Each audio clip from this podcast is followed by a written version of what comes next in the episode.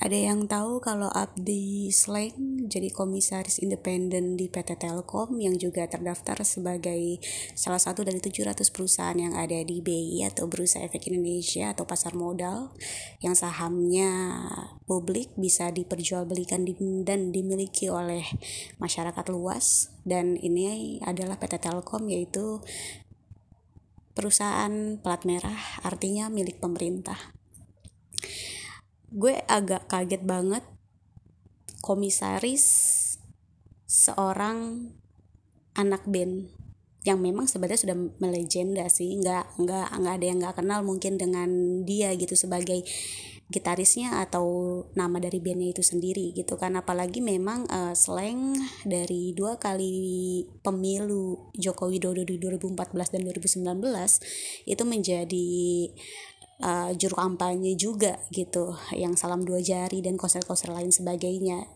Dan nah sebenarnya di situ nggak ada yang berekspektasi atau berpikir jauh banget sih dan gue juga sama sekali nggak kepikiran bakal bisa nyampe sejauh ini dan bisa menjadi salah seorang komisaris independen gitu.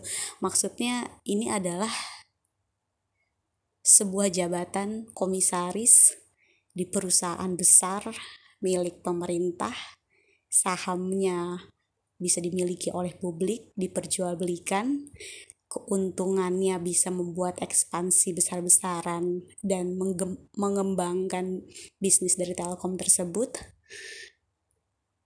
Jika sahamnya naik tentu ini akan sangat bagus, tetapi jika saham harga saham dari PT Telkom turun, tentu ini menjadi bagaimana pelajaran yang penting untuk uh, orang-orang PT Telkom sendiri harus berpikir bagaimana mengembalikan keuntungan tersebut. Artinya uh, beberapa yang gue tahu tentang bagaimana sah harga saham bisa naik ataupun turun itu kebanyakan dari sentimen-sentimen yang muncul di publik.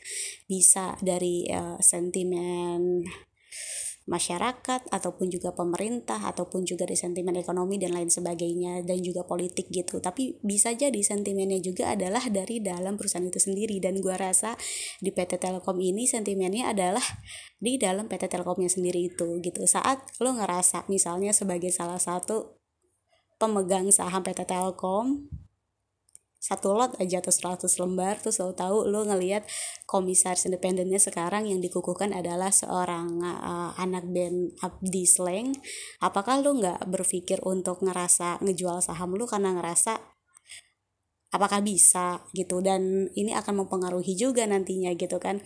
Sebenarnya karena yang gue tahu nggak akan pernah main-main saat orang bisa menduduki jabatan sekelas komisaris gitu loh.